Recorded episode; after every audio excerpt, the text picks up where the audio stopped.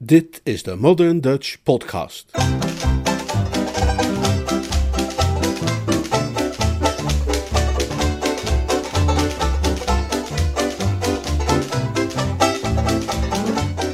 Anselm krijgt zijn kans. Een verhaal van P.G. Woodhouse uit de bundel Mr. Mulliner's sterkste verhalen, vertaald en voorgelezen door Leonard Beuger.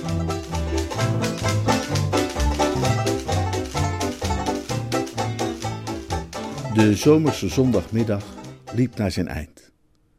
De schemering viel in het tuintje van de rustende hengelaar, en daarbuiten ook trouwens, en de lucht was vol van zoete geuren van jasmijn en tabaksplant.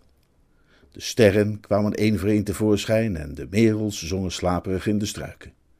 Vleermuizen zwenkten tussen de schaduwen en een zacht briesje deed af en toe de stokrozen wuiven. Het was, kortom, zoals een klant die was binnengelopen voor een gin en tonic het zo treffend formuleerde, een mooie avond. Toch hadden Mr. Mulliner en de anderen die zich hadden verzameld in de salonbar van de herberg het gevoel dat er iets ontbrak. Dat kwam doordat Miss Postlethwaite, die anders altijd zo nijver achter de tap stond, afwezig was.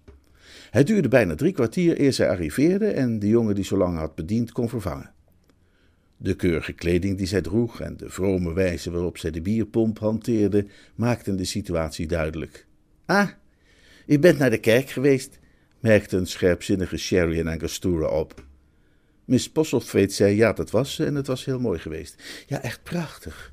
In alle opzichten, zei Miss Postlethwaite terwijl ze een pint bitter tapte. Ik hou toch zo van de vespers hè, aan het eind van een zomermiddag. Het doet je wat op de een of andere manier, als u begrijpt wat ik bedoel. Die kalme stilte en dat soort dingen. En de dominee heeft zeker, zeker zelf gepreekt, neem ik aan, zei Mr. Mulliner.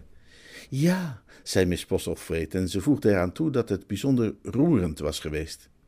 Mr. Mulliner nipte bedachtzaam van zijn warme whisky met citroen. Ja, ja, het oude liedje, hè, zei hij met iets droevigs in zijn stem. Ik weet niet of u dat beseft, heren, maar op het Engelse platteland preken de dominees altijd zelf tijdens de vespers in de zomer, en dat veroorzaakt veel sluimerend ongenoegen onder hun hulppredikanten. Het ergert die jonge kerels geweldig en men kan hun gevoelens ook uitstekend begrijpen. Zoals Miss Postlethwaite terecht zegt, is er iets in de atmosfeer van een vesperdienst in een dorpskerk, waardoor de aanwezigen bijzonder ontvankelijk zijn en een predikant die onder die omstandigheden het woord voert, kan bijna niet anders dan zijn gehoor weten te boeien en ontroeren. De hulppredikers die daartoe niet de gelegenheid krijgen, voelen zich uiteraard het slachtoffer van een ijzeren monopolie en beroofd van hun beste kansen. En whisky met plons zei dat hij daar nu werkelijk nog nooit over had nagedacht.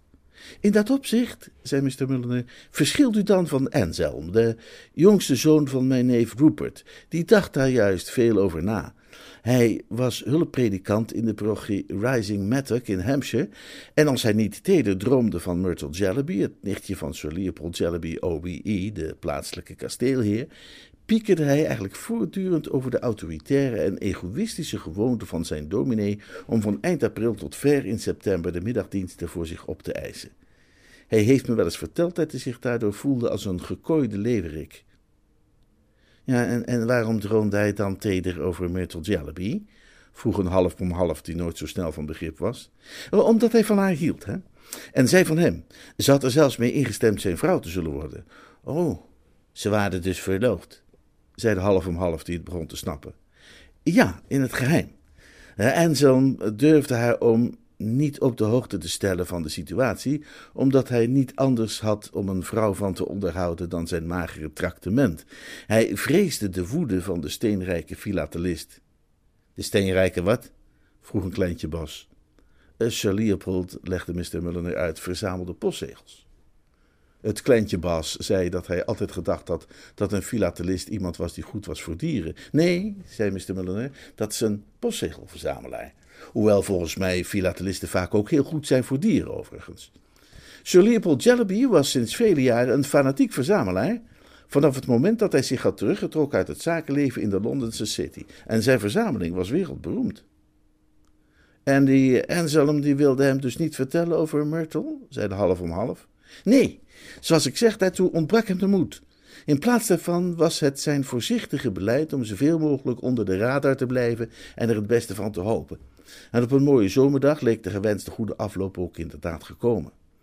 Toen Myrtle rond het tijdstip van het ontbijt bij de pastorie langs ging, vond ze Anselm dansend rond de tafel met in zijn ene hand een half opgegeten geroosterde boterham en in de andere een brief.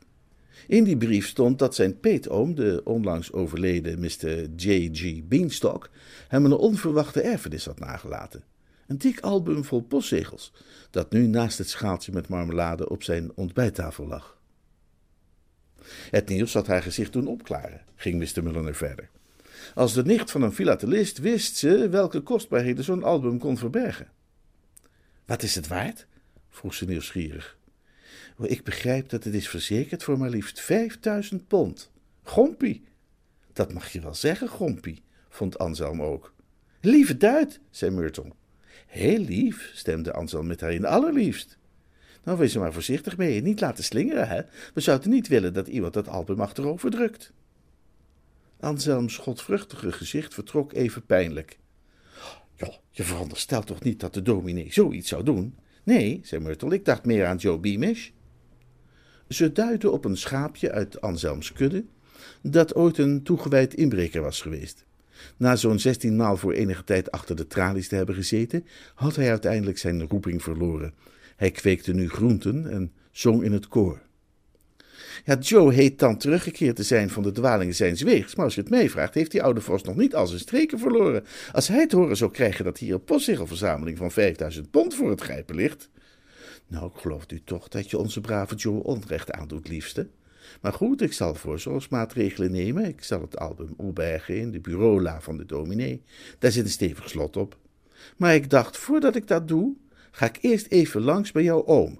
Wie weet wil hij wel een bod doen op deze verzameling. Goed idee, vond Myrtle. Maar laat hem in dat geval stevig bloeden. Ik beloof je geen poging te sparen, zei Anselm. Hij gaf Myrtle een liefdevolle kus en ging op weg om zijn pastorale taken te verrichten. Het was al tegen de avond eer hij tijd vond om Sir Leopold op te zoeken. Het gezicht van de vriendelijke oude landheer klaarde op toen hij hoorde waar Anselm voor kwam. Vooral omdat hij begreep dat het ditmaal dus niet was om het een of ander los te peuteren voor het orgelfonds. Hij ontspande en groette Anselm hartelijk. Uh, postzegels, zei hij. Ja, ik sta altijd klaar om mijn uh, verzameling uit te breiden. Mits het waardevol is, natuurlijk, wat me wordt aangeboden en de prijs een beetje schappelijk. Had je een bepaald bedrag in gedachten voor die collectie, uh, mijn beste Mulliner? Anselm zei dat hij dacht aan iets in de buurt van 5000 pond. En Sir Leopold huiverde van top tot teen als een kat die midscheeps geraakt wordt door een halve baksteen. Hij had zijn hele leven al de grootste moeite gehad met het idee afstand te moeten nemen van grotere geldbedragen. Oh, zo, zei hij. Hij leek zich slechts met grote moeite weer enigszins te kunnen kalmeren. Het ja, hm. laten we dan maar eens even naar kijken. Tien minuten later sloeg hij het album weer dicht en keek Anselm medelijdend aan. Nou, ben bang dat je je op een vervelende mededeling zult moeten voorbereiden, mijn jongen. Een misselijkmakende ongerustheid maakte zich van Anselm meester. Bedoelt u dat ze niet erg waardevol zijn? Sir Leopold legde de vingertoppen van beide handen zorgvuldig tegen elkaar en leunde achterover in zijn stoel op de pontificale manier die hij zich had eigen gemaakt tijdens een loopbaan waarin hij voornamelijk vergaderingen van aandeelhouders placht voor te zitten. Nou, de term waardevol is bijzonder relatief, beste jongen. Voor sommige mensen is vijf pond een aanzienlijke som. Vijf pond? Ja, dat is wat ik ervoor zou willen geven. Of laten we zeggen, omdat je een persoonlijke vriend bent, hè, tien. Maar ze zijn voor vijfduizend pond verzekerd. Sir Leopold schudde het hoofd met een mager glimlachje. Ach, mijn beste Mulliner, ah, als jij de ijdelheid van de gemiddelde postzegelverzamelaar net zo goed kent als ik, dan zou jij er niet zo raar voor opkijken. Hè? Maar goed, ik wil je dus wel tien pond geven voor het hele shotje. Ja, denk er maar eens over na, dan hoor ik toch wel van je. Met lode voeten verliet Anselm de kamer. Zijn hoop was in duigen gevallen. Hij voelde zich als een man die illusies en dromen heeft nagejaagd, waarvan er plotseling één zich heeft omgedraaid en in zijn been gebeten. En? vroeg Myrtle, die het resultaat van de conferentie op de gang had afgewacht. Anselm bracht haar het slechte nieuws. Ze was verbijsterd. Maar, maar jij zei tegen mij dat dat album verzekerd was voor ja. Anselm zuchtte. Daar leek je oom weinig of geen belangstelling aan te hechten. Schijnt dat postzegel-verzamelaars de gewoonte hebben een collectie te verzekeren voor gigantische bedragen, alleen uit ijdelheid. Ik ben van plan om binnenkort eens een pittige preek te wijden aan het onderwerp ijdelheid. Bleef even stil. Nou ja, dit soort dingen krijgen wij mensen ongetwijfeld te verduren als een beproeving van onze ziel. Wij kunnen dit soort slagen van het lot maar het best geduldig en deemoedig trachten te verdragen. Geduldig en deemoedig verdragen, op je neus, riep Myrtle uit, die als zoveel meisjes van vandaag de dag nogal losjes in de mond was. Mooi niet dus, hier gaan we wat aan doen. Maar wat dan? vroeg Anselm. Ik zal niet ontkennen dat het een hele schok voor me was. En ik, ik moet helaas zelfs toegeven dat ik een ogenblik sterk in de verleiding kwam een uitdrukking te gebruiken die ik onze roeicoach in Oxford wel eens heb horen bezigen tegenover onze nummer vijf, die het onderlijf niet stil wist te houden bij het hanteren van zijn riem. Het zou heel verkeerd geweest zijn, maar het zou ongetwijfeld een zekere opluchting hebben geboden aan. Ik heb het! Ik heb het! riep Myrtle. Joe Beamish! Anselm staarde haar aan. Joe Beamish? Ik begrijp even niet wat je bedoelt, uh, schat. Gebruik toch je kersenpitknul, denk na. Weet je nog wat ik verteld heb? We hoeven Joe alleen maar te laten weten waar die postzegels liggen, dan doet hij ongetwijfeld zelf de rest. En wij kunnen 5000 pietermannen gaan incasseren bij de verzekeringsmaatschappij. maar Myrtle, is toch lekker gauw verdiend? vroeg het enthousiaste kind. Dan zitten we eindelijk goed. Kom op, loop meteen even naar de oude Joe. Maar Myrtle, Alsjeblieft, zeg, scheen uit. Dat is toch verschrikkelijk wat je zegt. Ze keek hem ongelovig aan. Bedoel je nu dat je het niet doet? Nee, onmogelijk. Ik pieker er niet over. Dus jij wilt Joe niet op het spoor zetten zodat hij alles als vanzelf in orde brengt? Absoluut niet. Volstrekt niet. Daar komt niets van in. Ja, maar wat markeert er dan aan mijn idee? Dat hele plan is ethisch volkomen onverantwoord. Ze zweeg. Even leek het alsof Myrtle haar ongenoegen zou gaan luchten in een woedende uitbarsting. Ze fronste haar wenkbrauwen en haalde driftig met haar linkervoet uit naar een passerende kever, maar even later leek ze toch weer haar gevoelens te beheersen. Haar gezicht klaarde op en ze glimlachte liefhebbend naar Anselm als een moeder naar haar onwillige kind. Oh, nou ja, jammer dan, hè? Dan niet. Waar ga je nu trouwens heen? Ik heb om zes uur een vergadering van de moederclub. En ik, zei Myrtle, moet nog een paar liter soep gaan brengen naar een stel deugdzame armen. Daar kan ik maar beter even mee opschieten. Je staat er versteld van hoeveel soep die types opslorpen. Het lijken wel sponsen. Ze liepen samen op tot aan het dorpshuis. Daar ging Anselm naar binnen voor zijn moederclub. Zodra hij uit het zicht was, draaide Myrtle zich evenwel om, haastte zich naar het knusse huisje van Joe Beamish. Het geluid van een enthousiast en gehoor gebrachte psalm toonde aan dat de bewoner thuis was. En Myrtle liep door het met kamperfoelie omrankte deurtje naar binnen. Ha, die Joe, ouwe rakker, zei ze. Hoe is het met jou? Joe Beamish zat een sok te breien in zijn minuscule woonkamertje, dat in gelijke mate rook naar muizen, oud-inbrekers en zware check. Toen ze naar zijn ruige trekken keek, voelde Myrtle haar hart opspringen als dat van de dichter Wordsworth wanneer hij een regenboog zag aan de hemel. Zijn bekering had niet het uiterlijk veranderd van de gewezen ruikjesdrukker en regenpijpklimmer. Hij zag er nog altijd uit als het soort kerel waar de politie zorgvuldig zijn netten voor spant. En bij zijn aanblik kreeg Myrtle nadrukkelijk het gevoel dat de oude Adam in hem nog niet gestorven was, waar zij zich ook allerminst in vergiste. De eerste minuten van haar bezoek beperkte de conversatie zich tot algemene zaken als het weer, het breien van sokken en muizen achter de lambrisering. Pas toen het gesprek kwam op de versiering van de kerk voor het naderende oogstfeest, waaraan haar gastheer, zoals hij haar vertelde, twee fraaie kolen en een pompoen zou bijdragen, dat Myrtle kans zag een wat specifieker onderwerp ter sprake te brengen. Daar zal Mr. Muller blij mee zijn, zei ze. Hij is echt dol op het oogstfeest. Ah, zei Joe Beamish. Ja, is een goede kerel hoor, die, uh, die Mr. Muller. En een boffert, zei Myrtle. Heb je gehoord wat hem zo pas is overkomen? De een of andere overleden beanstalk heeft hem 5000 pop nagelaten. Zo, echt waar?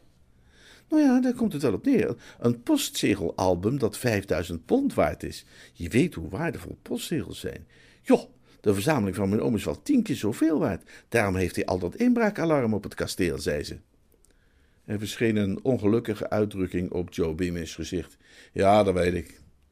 Dan weet ik dat er een hoop uh, inbraakalarm is op dat kasteel, zei hij. Ja, maar niet op de pastorie. En onder ons gezegd en gezwegen, Joe, daar maak ik me nogal zorgen over. Want weet je, daar bewaart Mr. Mulliner zijn postzegels. Hmm, zei Joe Beamish, op bedachtzame toon deze keer. Ja, ik heb hem al een paar keer gezegd dat hij ze in een kluisje bij de bank zou moeten bewaren. Waarom zeg je nou zulke dingen tegen hem? Dat is helemaal niet mal, zei Myrtle Dat is juist verstandig. Volgens mij liggen die postzegels daar niet veilig in een laadje van het bureau in de studeerkamer van de dominee. Dat kamertje op de benedenverdieping rechts van de voordeur, met die gammele tuindeuren die zo makkelijk open te krijgen zijn met een bijtel of een schroevendraaier. Ze zijn natuurlijk wel op slot, maar ja. Wat staat zo'n slot nu helemaal voor? Hè? Ik heb ze eens bekeken. Dat zijn echt van die sloten die je met een haarspeld open kunt krijgen. Nee, Joe, ik maak me daar echt zorgen over, hoor. Joe Beamish boog zich weer over zijn sok en breide rechts en averechts enige tijd zwijgend door. Toen hij weer begon te praten, was het over kolen en pompoenen en vervolgens, want zijn gesprekstof was beperkt, over pompoenen en kool. Voor Anselm Mulliner was het inmiddels een dag geworden vol spirituele kwelling. Op het moment dat Myrtle met haar plannetje was gekomen, had hem dat tot in zijn diepste wezen geschokt. Hij had zich niet zo volkomen ontdaan gevoeld sinds die avond dat hij Willy Purvis een bokslesje had gegeven op de Lads Club en Willy hem door een ongelukkig toeval precies op het meest zere plekje had weten te treffen. Wat hem gebleken was over het karakter van het meisje dat hij zijn onbevlekte en theologisch geschoolde hart had geschonken, had hem niet verbijsterd. Het leek hem dat Myrtle kennelijk geen besef had van het verschil tussen goed en kwaad. Nu zou hem dat wellicht niet zoveel hebben uitgemaakt wanneer hij een gangster of huurmoordenaar was geweest en zij zijn aanstaande gangsterliefje, maar het was van groot belang voor iemand die een kerkelijke loopbaan zocht en die een vrouw zou willen trouwen aan wie hij met een gerust hart het beheer van de parochie bijdragen, de opbrengst van de kerkbalans en het orgelfonds zou kunnen overlaten. Hij vroeg zich af wat de profeet Jezaja te zeggen zou hebben gehad over haar werkwijze en beleid. De hele middag en avond bleef hij erover piekeren. S'avonds tijdens het eten was hij zwijgzaam en afwezig.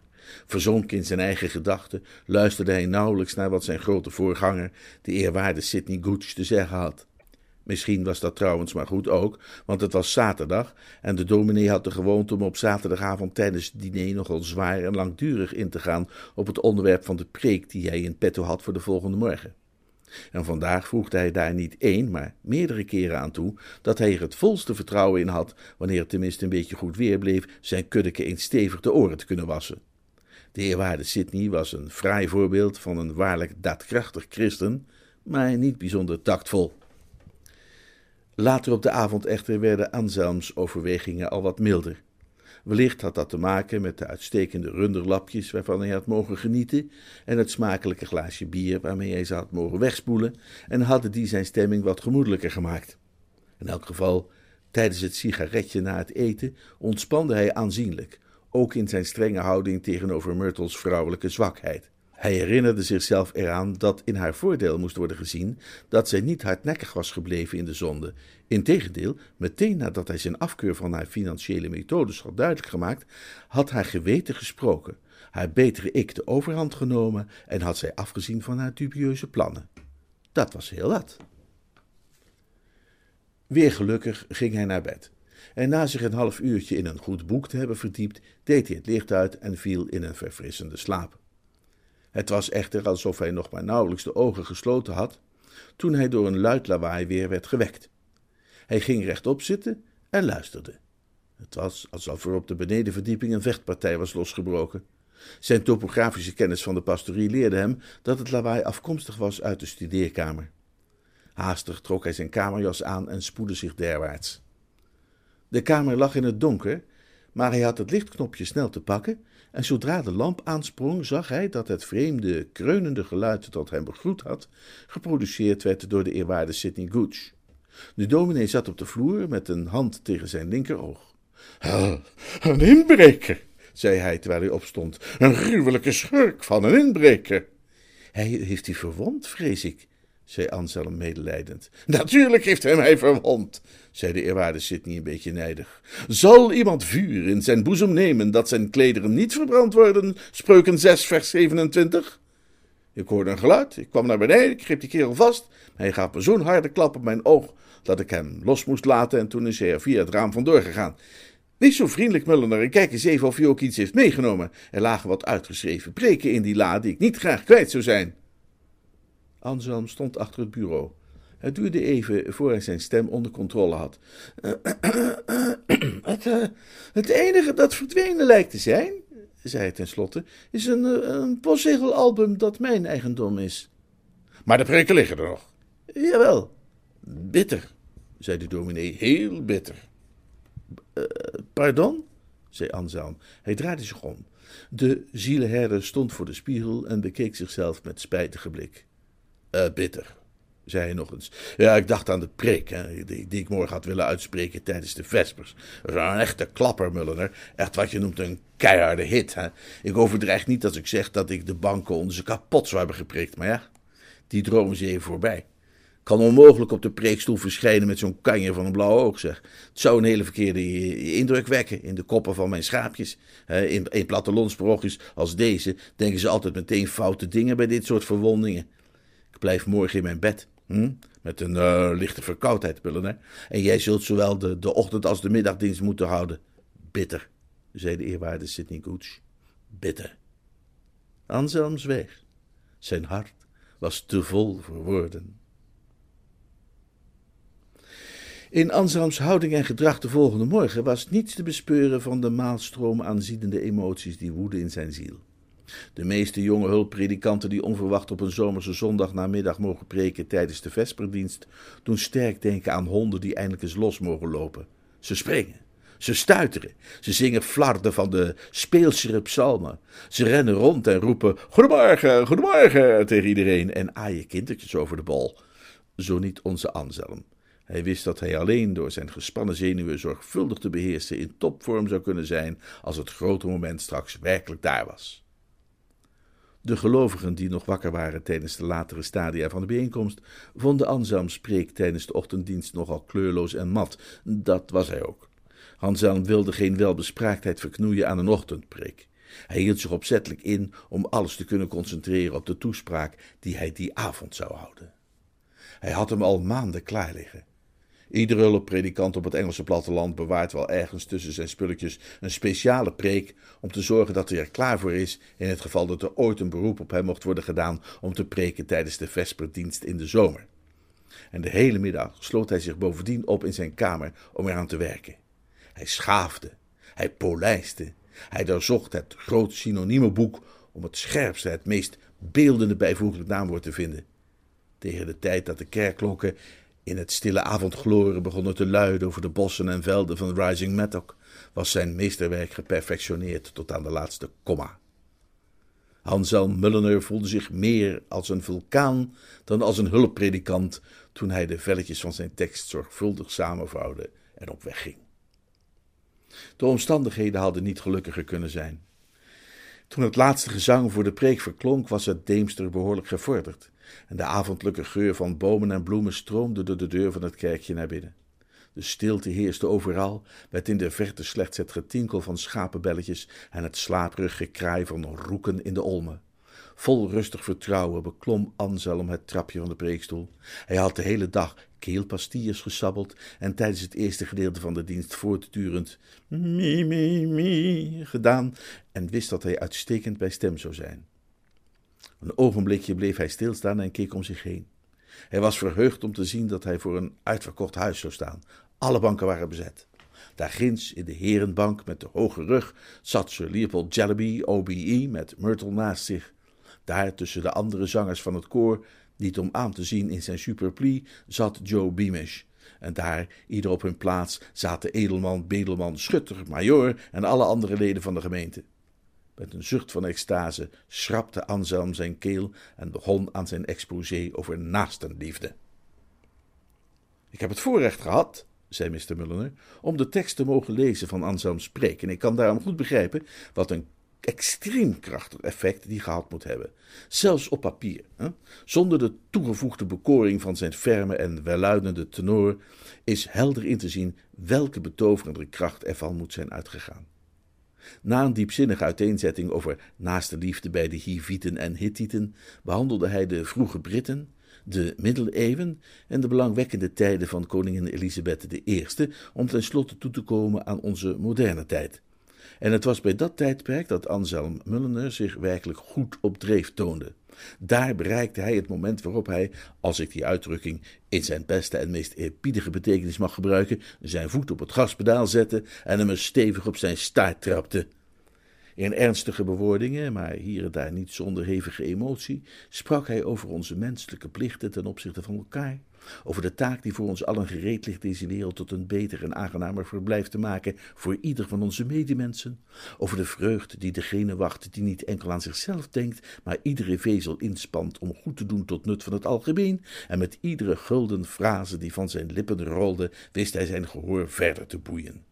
Winkeliers die hadden zitten dommelen, werden wakker en luisterden met open mond. Vrouwen wreven met hun zakdoek hun ogen droog. Koorknapen die zuurtjes hadden zitten sabbelen, slikten die berouwvol door en hielden eindelijk hun voeten stil. Zelfs tijdens een ochtenddienst zou een preek als deze een doorslaand succes zijn geweest. Maar in de avondschemering, met alle stimulerende genoeglijkheden van dien, was het een kraker, een absolute hit. Anselm kon zich niet direct na afloop van de plechtigheid losscheuren uit de menigte van bewonderaars die zich rond hem had verzameld in de sacristie. Er waren ouderlingen die hem de hand wilden schudden en andere ouderlingen die hem beslist op de schouder wilden slaan. Er was zelfs één die om zijn handtekening vroeg, maar uiteindelijk wist hij zichzelf glimlachend te bevrijden en ging hij op weg naar de pastorie. Nauwelijks was hij het hekje van de tuin gepasseerd, of uit de geurige duisternis schoot iets tevoorschijn en vloog Myrtle Jellyby hem in de armen. Anselm, riep ze uit, mijn wonderman, hoe krijg je het voor elkaar? Zo'n geweldige preek heb ik van mijn leven nog niet gehoord. Ja, eh, denk je dat het wel een beetje overgekomen is? vroeg Anselm bescheiden. Het was meesterlijk, grandioos. Als jij een gemeente vermaant, nou dan vermaan je hem voor eens en altijd. Hoe jij dat allemaal verzint, gaat mijn verstand te boven. Och, dat gaat vanzelf. En wat ik trouwens ook niet begrijp, is waarom jij überhaupt vanavond mocht preken. Je had toch gezegd dat de dominee dit altijd zelf doet? De dominee, begon Anselm, heeft een klein. Uh... Maar toen schoot hem plotseling te binnen dat hij in alle opwinding rond zijn vesperpreek helemaal vergeten was om Myrtle te vertellen van die andere belangrijke gebeurtenis, de diefstal van het postzegelalbum. Er is uh, gisteravond iets heel eigenaardigs gebeurd, liefste, zei hij. Er is ingebroken in de pastorie. Myrtle keek verbaasd. Echt waar? Ja. Een of andere schurk is door het raam van de studeerkamer naar binnen gekomen. Nou zeg, dat is me ook wat. En heeft hij iets meegenomen? Hij heeft mijn postzegelalbum gestolen. Myrtle slaakte een opgewonden kreetje. Maar dan gaan we incasseren. Anselm gaf niet direct antwoord. Dat uh, vraag ik mij af. Hoe bedoel je dat, vraag je je af? Natuurlijk gaan we incasseren. Je moet meteen je claim indienen bij de verzekering. Maar heb je daar wel goed over nagedacht, liefste? Mag ik wel doen wat jij daar voorstelt? Natuurlijk wel, waarom niet? Het lijkt me nogal vanzelfsprekend. Wij weten immers dat die verzameling waardeloos is. Ik kan toch niet met recht van die firma, de Associatie tot Nut en Bijstand voor Londen en omliggende provincies, heet die trouwens, verlangen dat ze mij 5000 pond uitbetalen voor een album vol postzegels dat niets waard is? Ja, maar natuurlijk kun je dat wel. Wijlen de oude Bienstok heeft toch altijd de premie betaald, of niet soms? Oh ja, dat is waar. Dat, uh, dat was ik even vergeten. Ja, dat maakt niet uit of dat album iets waard is of niet. Het gaat erom waar het voor verzekerd is. En die jongens van de onderlinge nut en bijstand, die worden er heus niet minder van om een keer te moeten dokken. Het is gewoon een schande zoveel geld als die verzekeringsmaatschappijen hebben liggen. Dat kan echt niet goed zijn voor ze, als je het mij vraagt. Hm. Daar had Anselm nog nooit aan gedacht. Nu hij eens stilstond bij het punt, leek hem dat Myrtle met haar vrouwelijke intuïtie het bij het rechte eind had. Was er niet inderdaad, vroeg hij zich af, veel te zeggen voor haar theorie dat verzekeringsmaatschappijen over veel te veel geld beschikten en dat zij betere, onthechtere en spiritueler verzekeringsmaatschappijen zouden kunnen worden wanneer er zo af en toe iemand langskwam die hen van een beetje geld ontlastte? Dat was ongetwijfeld het geval. Hij twijfelde niet langer. Hij zag nu in dat het niet alleen een genoegen, maar ook een plicht was om de associatie tot nut en bijstand voor Londen en omliggende provincies 5000 pond lichter te maken. Het zou wel eens een omslagpunt kunnen blijken te zijn in het leven van de Raad van Commissarissen. Je hebt gelijk, zei hij. Ik zal een claim indienen. Goeie knul. En zodra we die vijf miel gevangen hebben, gaan we trouwen. Myrtle. Anselm. Nee, zei de stem van Joe Beamish naast hem. Zou ik u even spreken? Ze lieten elkaar geschrokken los en staarden de man onnozel aan. Hè? zei Joe Beamish, en het was duidelijk te horen aan de dikke keel waarmee hij sprak dat hij door een hevige emotie werd beheerst. Ik, eh, wil u bedanken, meneer, voor die uh, fantastische preek van u. Echt een te gekke preek. Anselm glimlachte. Hij had zich hersteld van de schok die de onverwachte stem uit het duister aanvankelijk teweeg had gebracht. Bleef vervelend natuurlijk om te worden gestoord op een moment als dit, maar, vond hij, een mens moet altijd beleefd blijven tegen zijn fans. Uh, dat soort dingen zou hij trouwens in de toekomst waarschijnlijk veel vaker kunnen verwachten. Het verheugt me dat mijn bescheiden prestatie een dergelijke lofprijzing te beurt valt. Zegt hij? Hij zegt dat hij blij is dat je het mooi vond, zei Myrtle een tikje geërgerd. Ze voelde zich niet op haar hartelijkst. Een meisje dat zich juist heeft genesteld in de armen van de man die zij lief heeft, vindt het niet fijn als er dan opeens inbrekers vlak naast haar opduiken. Mm -hmm, zei Joe Beamish begrijpend. Ja, meneer, uh, dat was nog eens een preek. Echt wat je noemt een uh, toffe preek. Dank je, Joe, dank je. Fijn om te weten dat het je goed heeft gedaan. Ja, dat klopt, meneer. Het heeft mij goed gedaan. Ik heb preken gehoord in Pentonville. Ik heb preken gehoord in de Wormwood Scrubs. En ik heb preken gehoord in Dartmoor. En dat waren goede preken ook hoor. Maar van alle preken die ik ooit heb gehoord, was er geen een die kon tippen al die preek van u. Echt klasse hoor, echt. Joe, zei Myrtle. Ja, dame. Tij af. Sorry, dame. Ophoepelen, nokken, wegwezen. Je ziet toch wel dat we je kunnen missen als kiespijn. Wij zijn bezig. Maar liefje, zei Anselm met licht verwijt in zijn stem, klinkt dat nu niet wat al te gebiedend? Ik zou niet willen dat die brave oh. onderbrak Joe Beamish hem met een lichte suggestie van ternauwernood weerhouden tranen in zijn stem. Ja, dat is het nou juist mee. Ik ben geen brave kerel. De heb u, als u me niet kwalijk neemt dat ik het zeg, het helemaal mis. Ik ben een zondaar, een boosdoener, een onverbeterlijke boef. En, eh, Joe, zei Myrtle met een dreigende kilte in haar stem, als jij straks een blauw oog hebt of een bloedneus, dan moet je wel bedenken dat je er zelf om gevraagd hebt. En dat geldt ook voor de buil op je lelijke hoofd, de grootte van een ei ten gevolge van een onzachte ontmoeting met de knop van mijn parasol. Maak jij nou wel of niet dat je wegkomt? vroeg ze en greep het genoemde slagwapen steviger vast. Dame, zei Joe Beamish, niet zonder een zekere primitieve waardigheid, zo gauw ik heb gedaan waarvoor ik ben gekomen, ga ik weer. Maar eerst moet ik doen waarvoor ik ben gekomen. En waar ik voor ben gekomen, is het deemoedig en berouwvol teruggeven van dit postzegelalbum, wat ik vannacht heb gejat toen ik nog geen benul had dat ik vandaag zo'n prachtig preek zou horen en dat ik het licht zou zien. Maar nou ik die prachtige preek heb gehoord en het licht heb gezien, doe ik met groot genoegen wat ik voor gekomen ben om te doen. En met die plechtige woorden overhandigde Joe Beamish de postzegelverzameling van wijle J.G. Beanstalk aan Anselm. Dame, meneer, ik hoop dat u net zo gesticht bent als ik op dit moment, en dan ga ik maar. Stop, riep Anselm. Anselms gezicht was wonderlijk vertrokken. Hij sprak met moeite. Joe. Ja, meneer. Joe, ik zou graag, ik, zou het fijn vinden, ik... Uh, ik zou het echt erg op prijs stellen, kortom. Maar hou jij maar alsjeblieft dit postzegelalbum, Joe. De inbreker schudde zijn hoofd. Nee, meneer, daar kan ik niet aan beginnen. Als ik denk aan die fantastische preek en al die geweldige dingen die u hebt gezegd in die fantastische preek, over de Hivieten en de Hethieten, en over goed zijn voor je naaste, en over het verspreiden van liefde en geluk over gans de aarde. Nou, dan kan ik geen albums gaan lopen houden waar ik aangekomen ben de andere mensen hun tuindeuren te verseren, vanwege dat ik nog niet het licht had gezien. Ja, dat is niet van mij, hè, dat album niet. En ik geef het graag, heel graag aan u terug met deze woorden. Dag meneer, dag dame, dag samen, ik ga. Zijn voetstappen stierven weg en in de stille tuin was er niemand die sprak. Anselm en Myrtle waren allebei bezig met hun eigen gedachten. Anselms gedachten werden voornamelijk beheerst door die kernachtige en realistische uitspraak van zijn roeicoach in Oxford bij de aanblik van het slecht gedisciplineerde onderlijf van nummer 5, terwijl Myrtle inmiddels haar best deed niet hardop de ruwe vertaling te geven van wat ze een Franse taxichauffeur eens tegen een gendarme had horen zeggen in de dagen dat ze in Parijs de vormingsklas volgde. Anselm was de eerste die de stilte doorbrak. Uh, liefste, zei hij, hier moeten wij het even over hebben.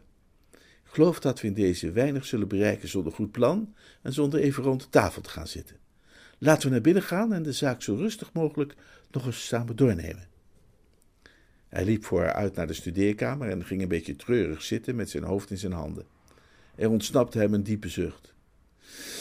Ja, nu begrijp ik, zei hij, waarom hulppredikanten tijdens de zomer niet op zondagavond mogen preken. Dat, dat is niet veilig, hè? Dat is alsof je een bom laat afgaan in de openbare ruimte. De bestaande verhoudingen worden er op gewelddadige wijze door verstoord. Als ik bedenk dat wanneer onze brave dominee in staat was geweest nog vanavond zelf te preken in de vesper dient, zodat deze vreselijke dingen niet gebeurd zouden zijn, zou ik willen zeggen met de woorden van profeet Hosea tegen de kinderen van Adulam, ja, laat die profeet Hosea nou maar eens even rusten en die kinderen van Adulam, die mogen nog wel even blijven spelen, viel Myrtle hem in de reden. Zeg maar maar liever wat we hier aan gaan doen. Anselm zuchtte opnieuw. Tja, helaas, lieveling, ik, ik zou het niet weten. Ik, ik neem aan dat het niet langer haalbaar is om een claim in te dienen bij de Associatie tot Nut en Bijstand voor Londen en de omliggende provincies. Dus die, die, die 5000 glanzende Pietermannen zijn we kwijt. Anselm trok een grimas. De rimpels in zijn afgetopt gezicht verdiepten zich nog. Het is niet prettig om bij stil te staan, dat is waar. Ik zag het op de draag als een smakelijk appeltje voor de dorst. Ik had het graag veilig op de bank gezet om het later te kunnen omzetten in waardepapieren met een sappige rente. Ik moet toegeven dat ik niet zo erg blij ben met die Joe. Nou, voor mij mag die stikken. Zo ver zou ik niet willen gaan, liefste, zei Anselm in liefdevolle berisping. Maar ik moet toegeven dat als ik te horen zou krijgen dat hij over een losse schoenveter was gestruikeld en zijn enkel had verstuit, ik daar uh, naar recht en reden niet rouwig om zou zijn. Ik keur zijn tactloze impulsiviteit ten zeerste af. Bemoeizuchtig en indiscreet zijn woorden die daarbij spontaan in mij opwellen. Myrtle peinsde nog wat. Luister, zei ze. Waarom halen we niet gewoon een grapje uit met die Londense en omliggende figuren? Waarom zouden we ze moeten vertellen dat jij die postzegels weer terug hebt? Kunnen we niet gewoon het zo laten? En dat formulier invullen en hun cheque in de binnenzak steken. Dat zou toch lachen zijn? Dit was de tweede keer in twee dagen, bedacht Anselm, dat hij zijn teerbeminde met enige achterdocht moest bekijken. Maar, bedacht hij ook, haar enigszins onconventionele manier om naar de wereld te kijken, was haar nauwelijks kwalijk te nemen. Als de nicht van een vooraanstaand man in de financiële wereld, was het misschien zelfs te verwachten dat ze er wat bizarre gezichtspunten op nahield. Haar vroegste herinneringen bestonden er ongetwijfeld uit dat ze naar beneden kwam voor het dessert en dan haar ouders bij de wijn en noten bezig hoorde een of ander nieuw plan te bedenken om investeerders geld uit de zak te kloppen. Hij schudde zijn hoofd. Ik vrees dat ik een dergelijke handelwijze niet voor mijn verantwoording kan nemen. Het lijkt me, en ik wil je gevoelens daarmee absoluut niet kwetsen, liefste, maar het lijkt me toch dat er iets bijna oneerlijks in jouw voorstel besloten ligt. En bovendien, voegde hij eraan toe, toen Joe Beamish dat album teruggaf, was dat in de aanwezigheid van getuigen. Getuigen? Ja, liefste. Toen we het huis binnengingen, zag ik in de tuin een schimmige figuur. Wie het was, kon ik niet onderscheiden, maar het staat wel vast dat die persoon, wie het ook was, alles heeft kunnen horen. Weet je dat zeker? Heel zeker.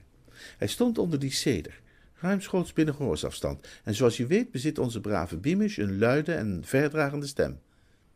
Hij zweeg. Niet in staat om haar opgekropte gevoelens nog langer te beheersen, had Myrtle Jellyby nu toch hardop de woorden geciteerd die de taxichauffeur tegen de gendarme had gesproken, en dat was het soort woorden waardoor ook een meer door de wol geverfde hulppredikant dan Anselm wel enige tijd sprakeloos zou hebben gestaan. Er volgde een schrijnende stilte, en tijdens die stilte werden hun oren getroffen door een wonderlijk geluid vanuit de tuin. Stil, wat is dat? vroeg Myrtle. Ze luisterde. Wat ze hoorde was onmiskenbaar het geluid van iemand die snikte. Een medemens in nood, zei Anselm. God zij dank, zei Myrtle. Moeten we daar niet heen lopen om vast te stellen wie de ongelukkige is? Ja, laten we dat vooral doen, zei Myrtle. Ik heb zo'n idee dat het Joe Beamish wel eens kan zijn. En wat ik die aan ga doen met mijn parasol, dat wil je niet weten. De wenende was echter niet Joe Beamish. die inmiddels allang in de vrolijke springkaan zat. Anselm was bijziende en wist de duistere figuur die onstuimig snikkend tegen de stam van de zetel leunde niet te herkennen, maar Myrtle met haar scherpe oog uit een kreet van verrassing. Oom! Oom? vroeg Anselm verbaasd. Het is oom Leopold. Ja, zei de officier van het Britse Rijk, zijn tranen bedwingend, terwijl hij onder de bom vandaan kwam. ik ben het. En is dat Mulliner, die daar naast je staat, Myrtle? Ja, Mulliner, zei Sir Leopold Jellyby. Jij treft mij hier in tranen aan. En ik zou je zeggen waarom je mij hier in tranen aantreft, mijn beste Mulliner. Dat is omdat ik nog altijd zo diep onder de indruk ben van die prachtige preek van jou over naaste liefde maar over de plichten die wij hebben tegenover onze medemens. Anselm begon zich af te vragen of er ooit wel eens een hulppredikant zulke goede kritieken had gekregen als hijzelf. Oh, dank u wel, zeg, zei hij, verlegen met de voeten schuifelend. Heel fijn om te horen dat u het wel wat vond. Wel wat vond, dus erg zwak uitgedrukt, Mulliner.